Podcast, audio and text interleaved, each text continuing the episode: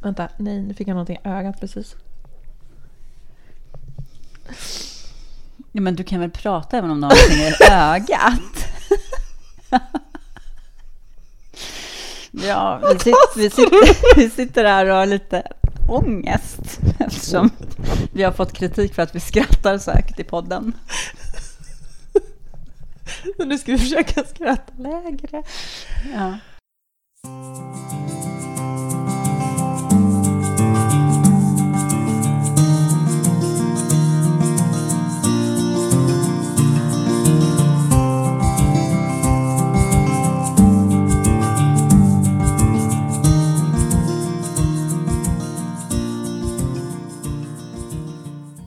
Hej, välkomna till Stresspodden med eh, Maria Helander och mig, Petra Sundqvist. Välkomna, välkomna, välkomna! Vad roligt! Vi är så himla glada att vi får göra det här. Är vi inte det, Petra?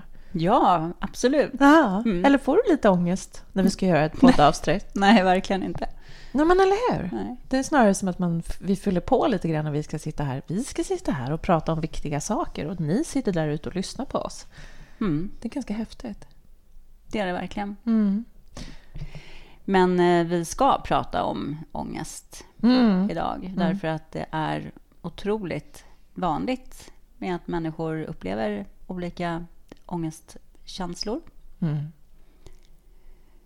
Var eh, tredje kvinna och var femte man läste jag på Hjärnfondens sida kommer någon gång i livet att uppleva ångest. Mm. Precis, någon gång i livet. Det är Ja. inte så att man behöver ha återkommande utan man kan uppleva vid några enstaka tillfällen ångest också.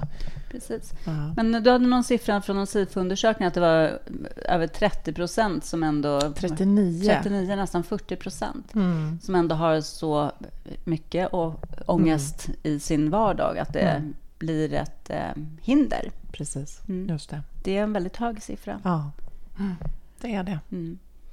Samtidigt så är det ju inte så konstigt att siffran är så hög om man tänker på vad ändå ångestens källa är.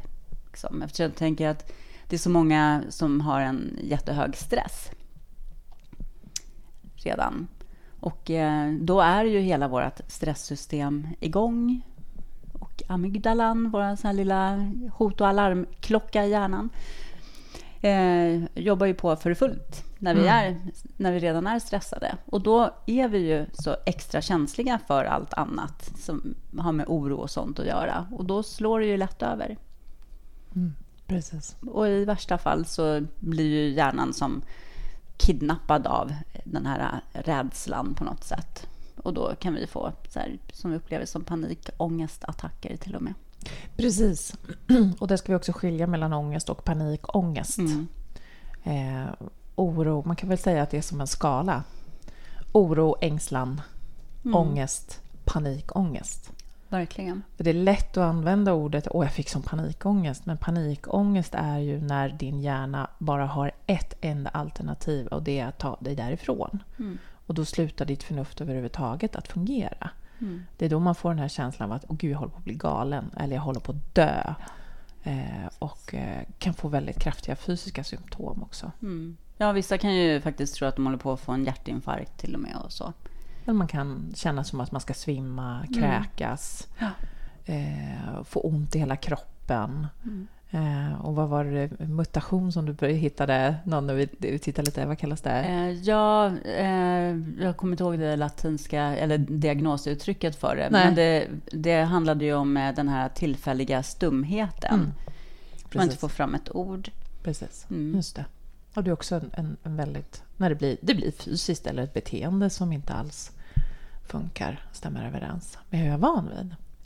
Det är ganska spännande vilka signaler hjärnan kan skicka till din kropp när hjärnan upplever ett hot. Hur det sätter sig fysiskt och vad som händer. Mm. Det är, rätt, det är starkt. Det är starkt. Ja. Jättespännande. Hur eh, har du haft ångest? Ja, nu tycker jag ju så här att vi ska vara lite försiktiga så här, för, med att använda ordet ångest. För att det är så många som också bara springer omkring och säger så här bara, "Ja, men jag fick ångest när jag mötte henne i trappuppgången. Ja, men du vet, Ja, just det. det blir så här lite hånfullt mot någon som faktiskt lider av ångest på riktigt. Men känslan, det här bara, eh, det här trycket över bröstet en kort stund och sånt, det, det, det har väl alla. Det, ju, det här är ju naturliga känslor, det är helt naturligt att känna så. Det är ju överlevnadsfunktion att känna eh, en viss ångest och rädsla såklart. Just det. Så det, på den nivån, det kan jag känna, kan jag känna så här, jag dyker till exempel, och eh, var, varje gång innan ett dyk så kan jag bara få det här eh, lilla trycket över bröstet. Det är ju så den lägsta nivån av ångest och det är nästan så patetiskt att ens kallas kallar det för ångest egentligen. Men det, men det är liksom så. Men annars har jag bara fått, jag har fått det en gång och det var ju inte speciellt länge sedan. och, då, och det var ju när jag var på um, Vipassana här senast. Det här meditations, ja, meditationskursen, när man ska vara tyst. Och eh, ja, du lämnar ifrån dig allting och så och eh, får inte prata med någon. Då första dagen, och det var ändå andra gången jag var där, så det var ju ingenting nytt eller någonting. Och det här är så intressant hur det också bara kan hända. Och jag har ju som sagt aldrig haft ångest tidigare, så det är ju inte som att eh, min hjärna är van vid den här eh, känslan eller någonting, eller liksom situationen att det skulle triggas igång. Men då kände, fick jag bara så här, då började verkligen bara hjärtat rusa. Jag var bara så här, nu håller jag på att få en hjärtinfarkt, undrar om det finns hjärtstartare här, undrar ifall, undrar vem de ringer till ifall jag, ja men du vet så här, jag bara drog loss i hundra. Och nu skrattar jag, förlåt. Ja, det är ingen fara. Men det är så härligt att tänka dig att du springer runt och bara undrar om det finns en hjärtstartare här ja, när det kommer till dig ja, själv. Ja, exakt. Det, var så här, det händer det, inte. Nej, och det är ju också, säger ju så här hur ologiskt allting bara blir när man är i den här känslan. Jag befann mig i den här känslan väldigt, väldigt kort stund för att jag fattade ändå så här bara, hallå, stopp nu, du har ångest, det här är jättejobbigt, det känns så här, men det här är ångest, du vet precis vad som händer i kroppen. Kom igen nu, så här, andas, ta kontroll över din andning. Så, här. Eh, så jag kom ju verkligen, jag kunde ju lugna ner mig även om det här, det satt ju kvar i kroppen ändå. Eh, det gjorde det många timmar, men inte, inte så att jag liksom på något sätt var kidnappad i den här känslan. Men eh, det, jag fattade ju då när jag själv bara började analysera allting, var det här kom ifrån. Och det var ju den här känslan av att vara instängd. Och den är ju väldigt, eh, den är ju, det är en stark känsla för mig att vara instängd. Och det var ju det som drog igång det. Men det, det är den enda gången som jag i hela mitt liv har upplevt en, eh, en stark ångestkänsla över någonting. Men du har lite mer erfarenhet kring ångest. Mm. E egen upplevd erfarenhet. Upplevd erfarenhet och att jag jobbar. Jag tycker mm. det är det roligaste som finns att jobba med ångest. Mm. Om någon kommer till min mottagning och säger att de har ångest så, blir, så sitter jag och hoppar upp och ner av glädje i stolen. Mm. För det är så roligt att jobba med. Mm. Och det låter väldigt nästan hånfullt av mig, men för jag vet ju hur jobbigt det är eftersom jag själv har ångest. Mm. Men, men jag bara tänkte sådär, och jag ska alldeles strax gå in och prata om det tänkte jag med min egen ångest. Men jag tänker också så här, det där du berättar nu om, jag får bara knyta an till din, din upplevelse. Det kan ju lika gärna ha varit någonting som, för att om man får en kroppslig känsla, det vill säga att, att ditt hjärta börjar slå väldigt högt av någon anledning, som det kan ha varit för att man helt plötsligt befinner sig på en ny plats, eller att man äter mycket socker, man har fått mycket koffein, druckit alkohol, så börjar hjärtat slå. Så kan ju även kroppen tolka det som ångestsignaler. Mm. Så man kan ju vara i ett fysiskt tillstånd som i sin tur triggar igång ångest. Mm. För att hjärnan går in och bara ”Wow! Min puls är hög, det här måste betyda att...” mm. Att det får färde. Mm. Nu hade jag ju suttit i 24 timmar och bara mediterat och det är liksom alkohol och sockerfritt och sånt, så det var inte caset där. Men däremot så känner jag igen det här med, bland människor som faktiskt har mer ångest och som faktiskt har börjat eh, jobba med sin, sin kost. Att de känner ju verkligen en jättestor skillnad i graden ångest när, eh, när de har en bättre kosthållning och hur, hur också ångestkänslorna blir mycket starkare ifall det liksom är mycket så här sockerrik mat och snabba mm. kolhydrater och sånt. Så att det är säkert olika, men där kan ju många verkligen vara känsliga för och det kan göra skillnad. Liksom. Oh ja, visst är det så. Mm. Visst är det så. Mm. Ja. Jag fick mitt eh, första ångestanfall när jag var 11 år. Mm. Eh, och eh, troligtvis har jag väl haft slängar av det tidigare men inte förstått det. Och jag förstod inte heller vad det var när jag var 11. Det, var, det tog högst i... Alltså jag blev vuxen innan jag fattade att det var ångest jag kände. Eh, men för mig yttrade det sig på det sättet att jag eh, trodde att jag skulle kräkas. Och eh, så jag jag så rädd för att kräkas. Så det blev som en panik, hela den känslan. Och den kunde bara dyka upp eh, vad jag tänkte när jag, tänkte när jag tänker tillbaka. Så kände jag det då som att den bara kunde dyka upp ur tomma intet. Som att jag var, ja, jag var och lekte med mina kompisar och så plötsligt bara, jag måste kräkas. Och då fick jag sån panik så måste jag gå hem eh, och fly därifrån. Jag kunde gå ifrån skolan. Jag minns vid något tillfälle när jag fick en sån här så, så sa jag till fröken att jag måste kräkas. Och så gick jag ut. Och så gick jag på skolgården bara fram och tillbaka, fram och tillbaka, fram och tillbaka, fram och tillbaka. Mm. Eh, för, och, och trodde hela tiden och kämpade med den här. Men det var min, min hjärna hade översatt det till en kräkfobi. Ja. Eh, jag, var, jag mådde ju antagligen inte illa. Jag skulle inte kräkas och jag har inte kräkts en enda gång under ett ångestanfall. Men min hjärna tolkade det som att det här är, eh, att det är det som kommer att hända. Så det, det blev... Eh, det, och den, den har många gånger blivit så kraftig som att jag har eh, kunnat sitta en hel natt ute på eh, en busshållplats i Norrby centrum. För att jag har inte klarat av att kliva på en nattbuss och åka hem. Så då har jag suttit från klockan 12 till klockan 6 på morgonen och kämpat med den här känslan. Eller att jag har var långa perioder jag inte kunde åka tunnelbana, jag kunde inte gå på bio, jag kunde inte uh, flyga. Jag kunde inte... Det var många sådana här saker. När jag var instängd och pressad i olika situationer så kände jag att nej men här, nu kräks jag. Mm. Och då började jag undvika det, vilket ökade på det hela. Oftast. Mm. Ehm, så. Så det, men det, som sagt, jag var, jag var vuxen innan eh, jag kom på vad det var det handlade om. Och det eskalerade ju fram... Jag var ju utbränd någon gång i början på 2000-talet, så 2000. Mm. Så var jag utbränd och då eskalerade det ju och blev sju resor värre. Mm. Då kunde jag ju inte göra någonting nästan utan att känna den här kräkpaniken. Nej.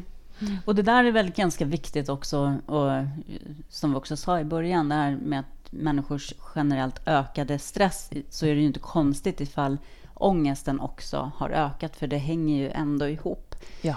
Och kan vi sänka vår stress i vardagen så mm. kommer ju också eh, styrkan och mängden ångest också mm. minska. För Just det följer ju. Ja, verkligen. Mm. Verkligen. Det gör ju det, verkligen. Men jag kan ju berätta om eh, ett eh, väldigt häftigt tillfälle sen jag gick och läste ACT, Acceptance and Commitment Therapy. Jag byggde på min, eh, min samtalsterapiutbildning. Mm. Och med en av en otroligt duktig lärare som jag hade där. Hon, hon jobbar ju med ACT i äh, ångestsituationer. Hon frågade, för vi var kanske 30 stycken i klassrummet. Hon frågade, är det någon som vill komma upp och, och prova? en ångestterapisession? Ja, sa jag, för jag tänkte nu gäller det bara utmana allt vad du orkar. Mm. Liksom. Testa, när du verkligen har världens bästa eh, psykolog här framför dig, mm. bara prova. Och så gjorde hon en, en sån session med mig framför gruppen. Och jag minns när jag skulle åka därifrån eh, så, så åkte jag kommunalt och jag verkligen bara kände den här hur lättad jag var i bröstet. För jag kände att det spelar ingen roll. Ångesten kan försöka komma. Kom an bara. Liksom. Kom igen. Mm. Det kommer aldrig, jag kommer inte känna det igen. Liksom. Nej. Och det var, det var bara en session. Ja. Och det är ganska häftigt egentligen hur, vilket kraftigt redskap det är med mm. ACT. Ja. För vad, vad går det ut på? Vad gick det ut på? Kan du beskriva liksom vad det går ut på? De som ja, dels inte känner till ACT, men också så här, hur man kan använda det i ångesthantering. Kommer du, du har ju gått eh, stresskursutbildningen som, mm. som, mm. Jo, men jag, precis, ja. Du kommer ihåg den här ja, gången? Jag, för då visade jag ju vid ett tillfälle, det brukar jag göra, mm. så här går en ångesthantering till.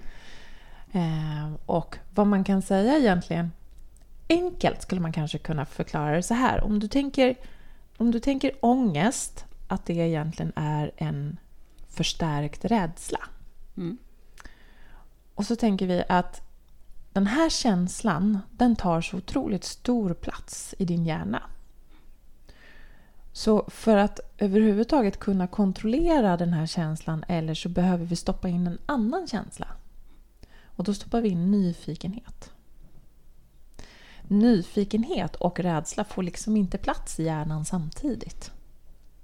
Så då, vad som händer många gånger då är ju att eh, ångesten, den, den krymper ihop därför du börjar använda helt andra delar av din hjärna när du plockar fram en nyfikenhet. Mm, men eh, om jag nu är en person som eh, sitter och lyssnar på det här och har ångest mm. och sen så hör jag nu så att stoppa in nyfikenhet istället.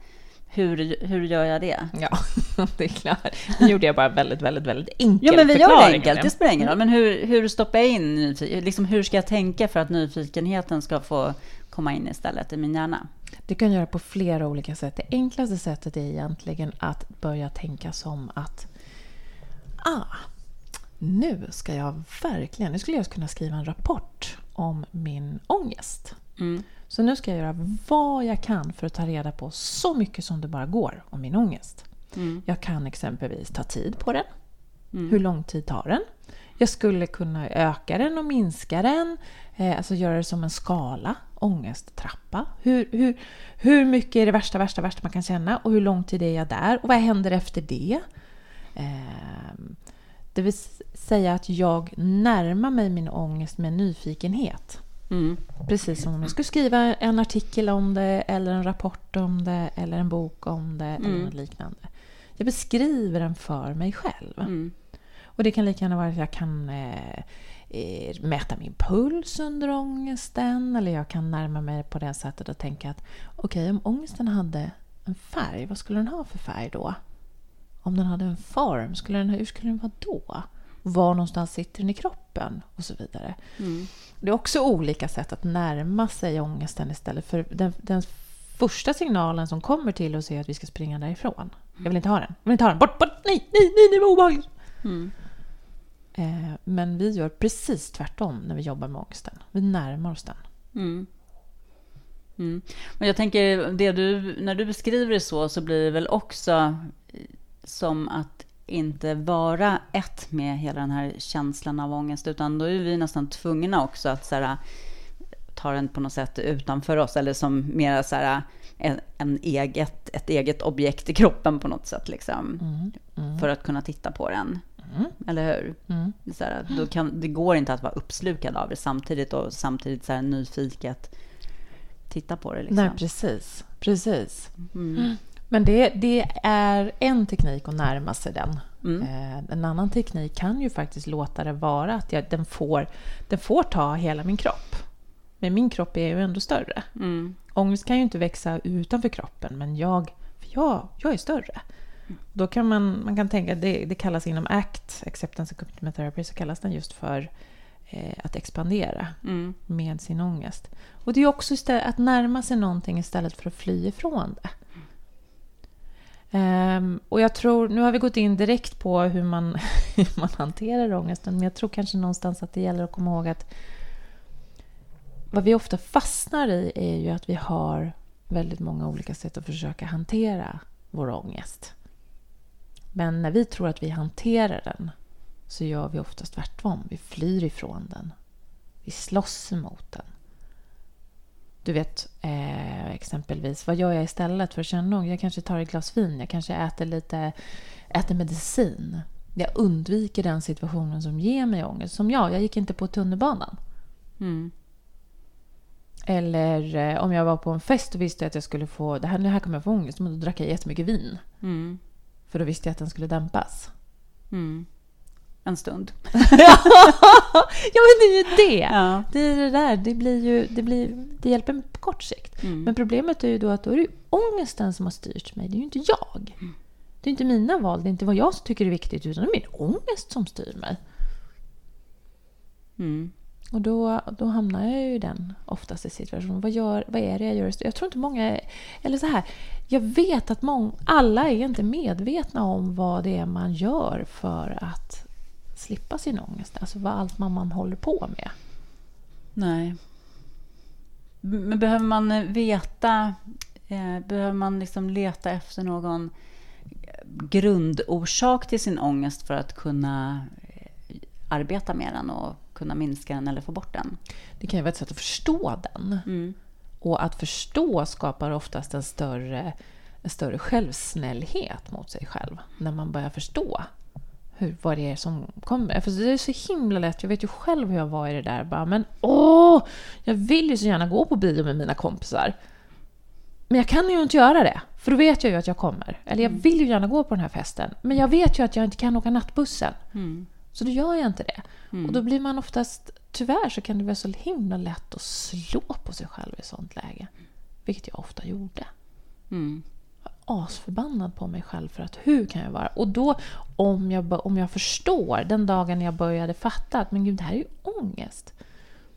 Och det kommer oftast när jag har varit pressad under en situation. Eller det kommer när min hjärna är överstimulerad.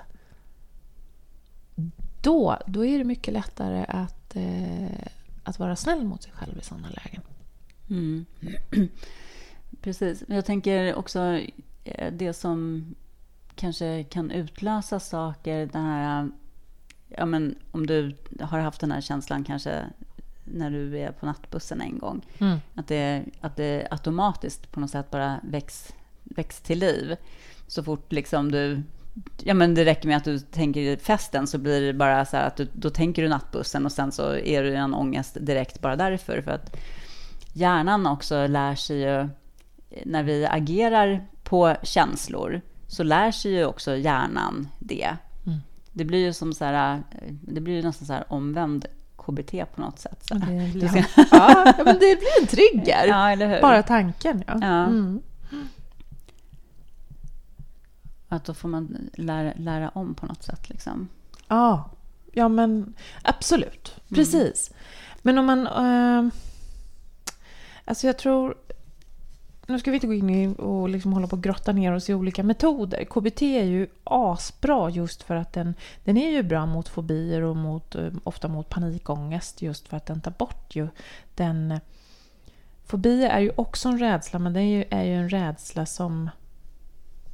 Eller så här, fobi är ju också ångest. Men det är en eh, rädsla mot en specifik situation eller en specifik eh, ja, mm. spindlar, du vet. Ja. Men det känns ju som mm. att det är lättare att, att gå in och jobba mm. med en sån sak. Det kan jag verkligen så mm. förstå. att eh, det är klart att det går att eh, avtrigga dig, ja. när, liksom, till exempel mot, mot, en orm. Eller hur? Ja. För då jobbar du fokuserat på ja, att ta exakt. bort just för den specifika mm. saken. Den här triggern har gett dig en, en eh, rädsla som inte är befogad. Mm.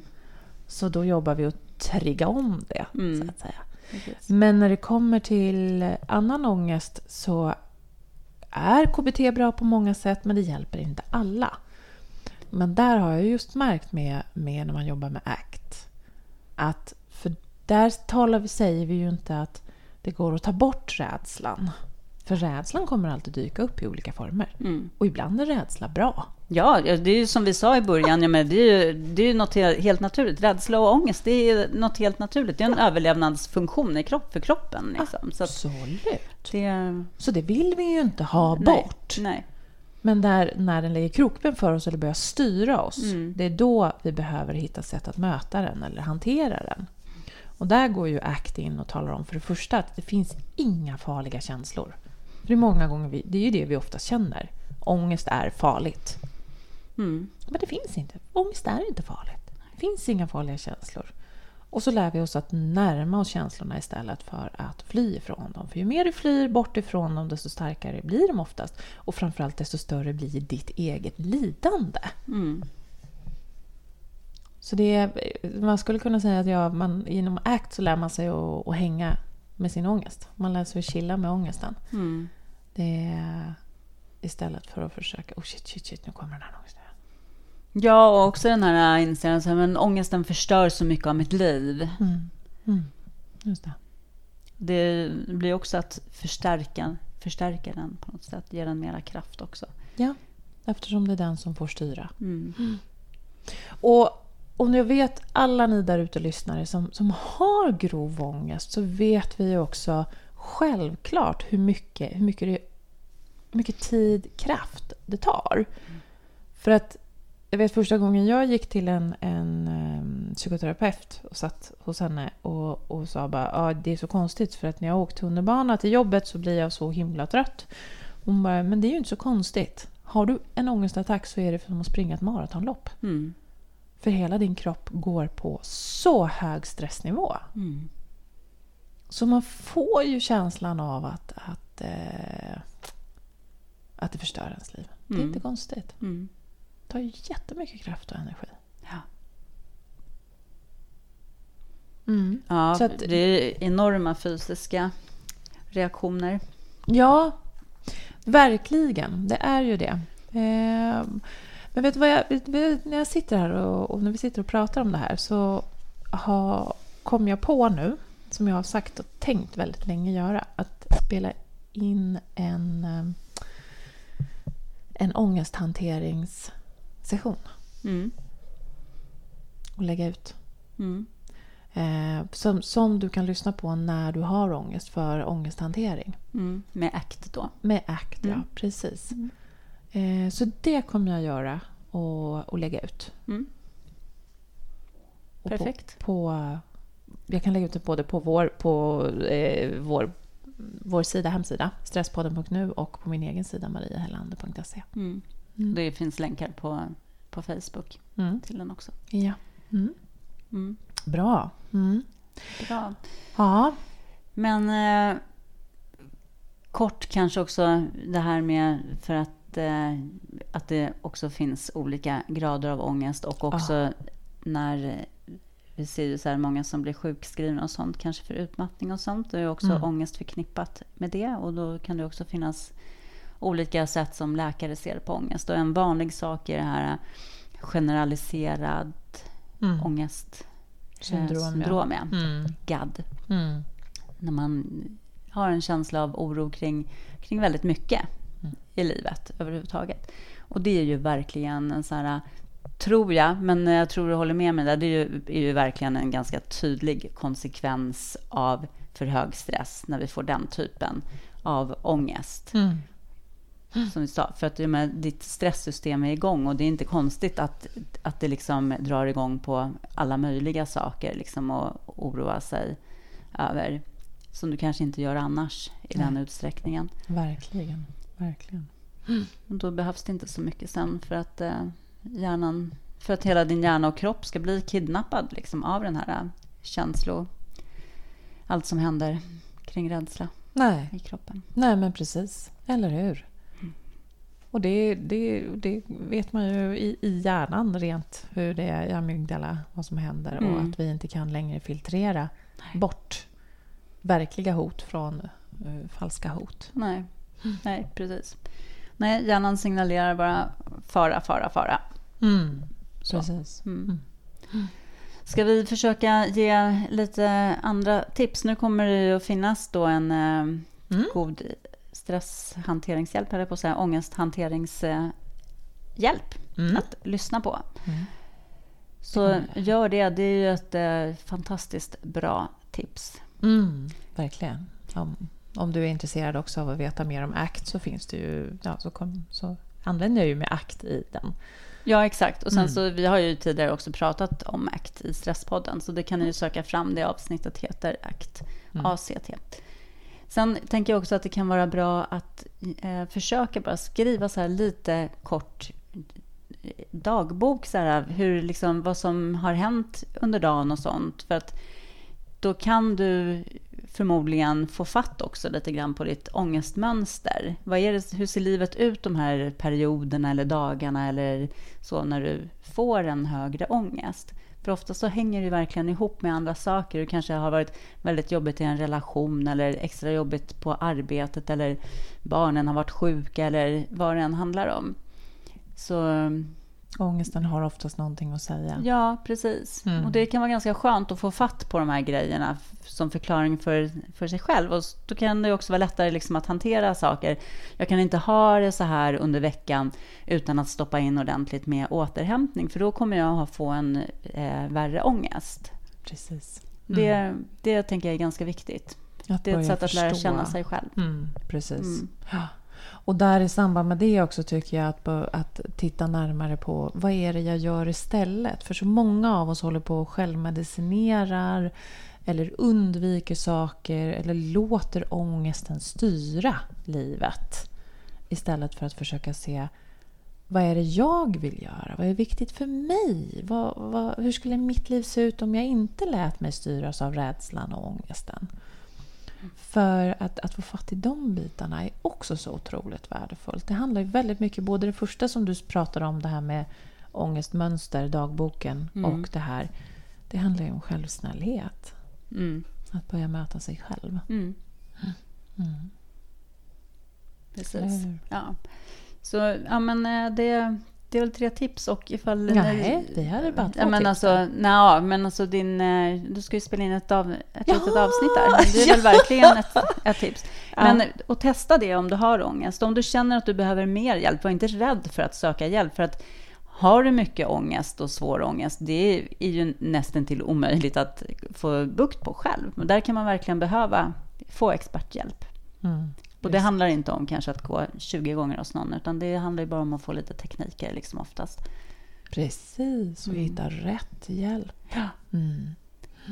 Och där ska du du ska känna vad det är när det kommer till att hitta rätt hjälp. För oftast vi har, många av de klienterna som hamnar i min soffa kommer ju med en sån här uppgiven känsla av att ja, men jag har försökt, mina, mina terapeuter och mina psykologer har sagt att Nej, men det här är någonting jag måste lära mig att leva med. Mm. Nej! Det är ingenting du behöver lära dig att leva med. Hitta en ny hjälp då. Mm. Om din psykolog eller din terapeut eller din eh, psykiatriker säger att antingen måste du ta medicin eller så får du lära dig leva med det här. Nej, ge det inte. Nej. Sök vidare. Ja. Och jag tror att det också finns många som har mycket mer kunskap om det här nu också för att mm. det också är så himla vanligt. Mm. Faktiskt. Just det. Just det. Precis. Ja många faktiskt till och med, till och med säga, men också i, inom bara i skolan. Mm. Eftersom det är väldigt vanligt faktiskt bland ungdomar och tonåringar att få, få ångest. Också för att deras hela hormonsystem är helt ur balans så blir det också lättare att hamna där. Mm. Och de har också en hög stress och sånt, men de är mer sårbara i den åldern. Just det. Mm. Men jag har också hört många goda exempel där ändå de får bra hjälp faktiskt i skolan. Så det är också mm. positivt. Mm. Så ja, nej men eh, Underbart. sök hjälp och se till att du får rätt hjälp. Nöj dig inte med att du ska lära dig att leva med det som sagt. Nej, verkligen inte. Ta hand om dig, var, var snäll mot dig själv. Lyssna mm. till dina egna behov. Så hörs vi om en vecka igen. Och så sök upp oss på Facebook, Instagram och mejla oss på info.stresspodden.nu. Precis. Och kom ihåg att vi väldigt gärna och tycker det är roligast som finns att komma ut och prata och berätta mer om ångest. Då. Så tycker du att, du att ni behöver på er arbetsplats eller i er förening eller liknande lära er lite mer om stress. Mm. Så hör av dig till oss. Gör det. Mm. Nej, skratta inte. Hej då! Hej då!